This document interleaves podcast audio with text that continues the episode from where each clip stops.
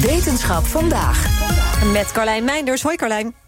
Hoi. Jij wil het uh, dit keer hebben over de link tussen ons hart en angst. Ik neem aan dat daar dan uh, nieuw onderzoek naar gedaan is? Zeker, uh, gaan we het zo over hebben. Ik was eerst eigenlijk wel benieuwd wanneer jullie voor het laatst iets gedaan hebben of meegemaakt hebben wat heel spannend was of eng. Oeh, zo. Nou, naast Kees Dorrestein staan vind ik elke keer weer doodeng. Hartslag van 200. Nou, zo lelijk ben ik ook niet, hè? Nee, het gaat niet omdat je lelijk bent. Nee, helemaal niet. Nee, Dit ik, antwoord had ik niet verwacht. nee, ik, ik, zit te denken... Kijk, ik vind vliegen niet zo heel leuk. Nou, dat heb ik toevallig recent nog gedaan. Uh, ik, ik ja. ben niet aan de pillen en zo daarvoor. Nee, maar ik, heb, ik, ik vind het altijd, even, altijd even een dingetje als we weer... Uh, ik, ik vond buitenkarten ja. vond ik wel eng. Want dan ga je op 1,100 okay. km per uur in zo'n open uh, cabine. En dat is best wel. Oh, als je dan uit de bocht vliegt, dan kan je wel goed crashen. Mm -hmm. En wat gebeurt er uh, in je lichaam op zo'n moment? Is geen, geen moeilijke spanning. vraag. Nou, ik voel dan echt ja, een spanning. spanning. Ja. Ik voel mijn hart heel erg kloppen dan altijd. Oh, ja. Ja, ja, ja. Uh, dat die hartslag daar een rol bij speelt, uh, dat, dat is inderdaad iets wat iedereen denk ik wel herkent. Ik denk dan meteen even aan mijn skateboardles. Als ik boven op het randje van een halfpipe sta, dan oh, ja. vind ik dat nog steeds heel spannend. Mhm. Mm -hmm. Dan gaat mijn hart veel sneller kloppen dan normaal. Uh, en je zou dan denken, die verhoogde hartslag, die wordt veroorzaakt door de angst die je voelt. Ja. Stanford-onderzoekers waren juist benieuwd naar het omgekeerde. Kan het ook zo zijn dat een verhoogde hartslag juist zorgt voor angstige gevoelens? Lijkt mij wel, toch? Dat dat kan. Nou.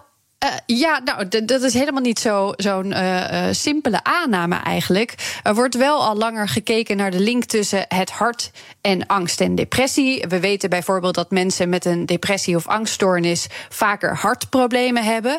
En andersom, dat mensen met hartproblemen vaker een depressie hebben. Mhm. Mm -hmm. Die link was de hoofdonderzoeker ook opgevallen. Ook dat bijvoorbeeld bij een paniekaanval een hartslag hoger dan 100 ppm, beats per minute, een van de symptomen is. Ja, en wat is het ook alweer als je gewoon uh, een normale hartslag hebt? Uh, een normale hartslag is in rust uh, gemiddeld tussen de 60 en de 100 ppm. Ja. Dus hoger dan dat, dan is hij echt in een soort paniekstand. Er is ook onderzoek geweest waarin werd gezegd... als we 24 uur lang iemands hartslag meten... kunnen we met 90% zekerheid zeggen... of diegene op dat moment depressief is. Oh. Dus er wordt best wel veel onderzoek naar gedaan. Zit zeker een interessante link. Het is alleen heel moeilijk om te onderzoeken. Uh, ja, dat kan ik me iets bij indenken. Maar waarom dan specifiek? Nou, ja, je kunt uh, niet makkelijk zeggen, bijvoorbeeld, de depressie is op zichzelf de oorzaak voor hartproblemen. Misschien komt het wel doordat je tijdens een depressie ongezonder gaat leven, geen zin hebt in bewegen, geen puff om op je eten te letten of sigaretten te laten staan. Mhm. Mm -hmm. uh, dat kan ook een rol spelen bij het ontwikkelen van iets als hart- en vaatziekten. Dus ze zochten een manier om alleen naar die hartangstlink te kijken. En daarvoor kwamen ze helaas alweer, ik zeg het er ten overvloede toch altijd maar bij, uit bij muizen. Mm. Maar ze hadden niet alleen muizen nodig, maar ook een eiwit uit algen dat op licht reageert. En waarom moest dat erbij gehaald worden? Ja, nou, dat alge-eiwit, dat kunnen ze in cellen stoppen, bijvoorbeeld in hartcellen. Wat dit eiwit doet, het heeft invloed op de geladen deeltjes die de cel instromen, als een soort sluisdeur. Het reageert ook, zoals ik al zei, op licht. Is dat licht er niet, zit de sluisdeur dicht. Is dat licht er wel, gaat de deur open en kunnen deeltjes de cel instromen. En in het geval van hartcellen zorgt dat ervoor dat het hart sneller gaat kloppen. Ja, en ik neem aan dat het dan de hartcellen van de muizen waren waarin ze dat dus echt gingen testen. Ja, klopt. Uh, die kregen dit eiwit binnen en een soort vestje om met een lichtbron die bediend kon worden. Hartslag in rust van een muis is ongeveer tussen de 450 en 750 bpm. Zo, dat is Als wel even sneller licht- dan een mens. Ja, ja, ja, flink wat sneller sowieso al. Ja. En als ze het licht aanzetten, ging het naar 900 bpm. Eh, lijkt me niet heel erg prettig. Wel heel bizar eh, dat je überhaupt zo de hartslag kunt bedienen van een levend dier. Ja, klinkt naar eigenlijk. Wat moesten die muizen dan daarna doen? Ze werden in een simpel doolhof geplaatst. Eentje met een afgesloten tak en een tak die open was. Nou zal een angstige muis geneigd zijn om beschutting te zoeken. Die kiest voor de afgesloten ruimte. En ze zagen dat dit gedrag bij de muizen met een verhoogde hartslag flink erger werd. Die verstopten zich dus veel meer. Ja, en het was dus eerst dat ze die verhoogde hartslag kregen... en daarna gingen ze zich verstoppen. Dus je zou kunnen zeggen, ze werden bang... doordat ze die hogere hartslag hadden. Ja, maar ze bekeken nog iets interessants. Want hoe zorgt die hoge hartslag nou precies voor die angstigheid?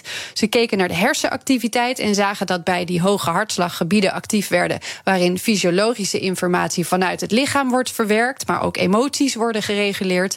Blokkeerden ze deze seintjes naar de hersenen echter, weer met behulp van zo'n lichtgevoelig eiwitje, dan bleven de muizen niet meer zitten. Dan gingen ze wel op onderzoek uit en leken ze minder bang. Ondanks dat hun hartslag nog steeds heel hoog was. Ja, dus het heeft ook eigenlijk alles te maken met emotie, zou je kunnen zeggen.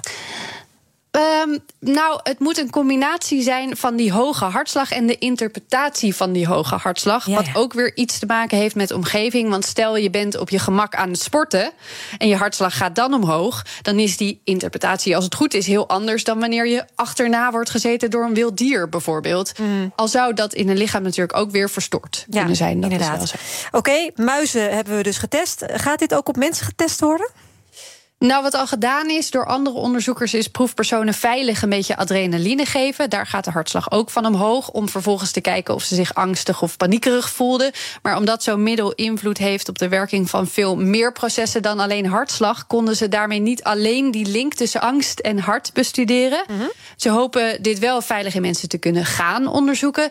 Want zo zeggen deze Stanford-wetenschappers: het hart manipuleren is veel makkelijker dan de hersenen. En wellicht zijn ze nu iets op het spoor waarmee een behandeling van iets als depressie via het hart kan gebeuren. En dan niet met alge-eiwitten, maar uh, door het verlagen van de hartslag, ja, bijvoorbeeld. Met, met, medicijnen of zo. Hè? zijn denk ik wel ja, medicijnen. Ja, ja.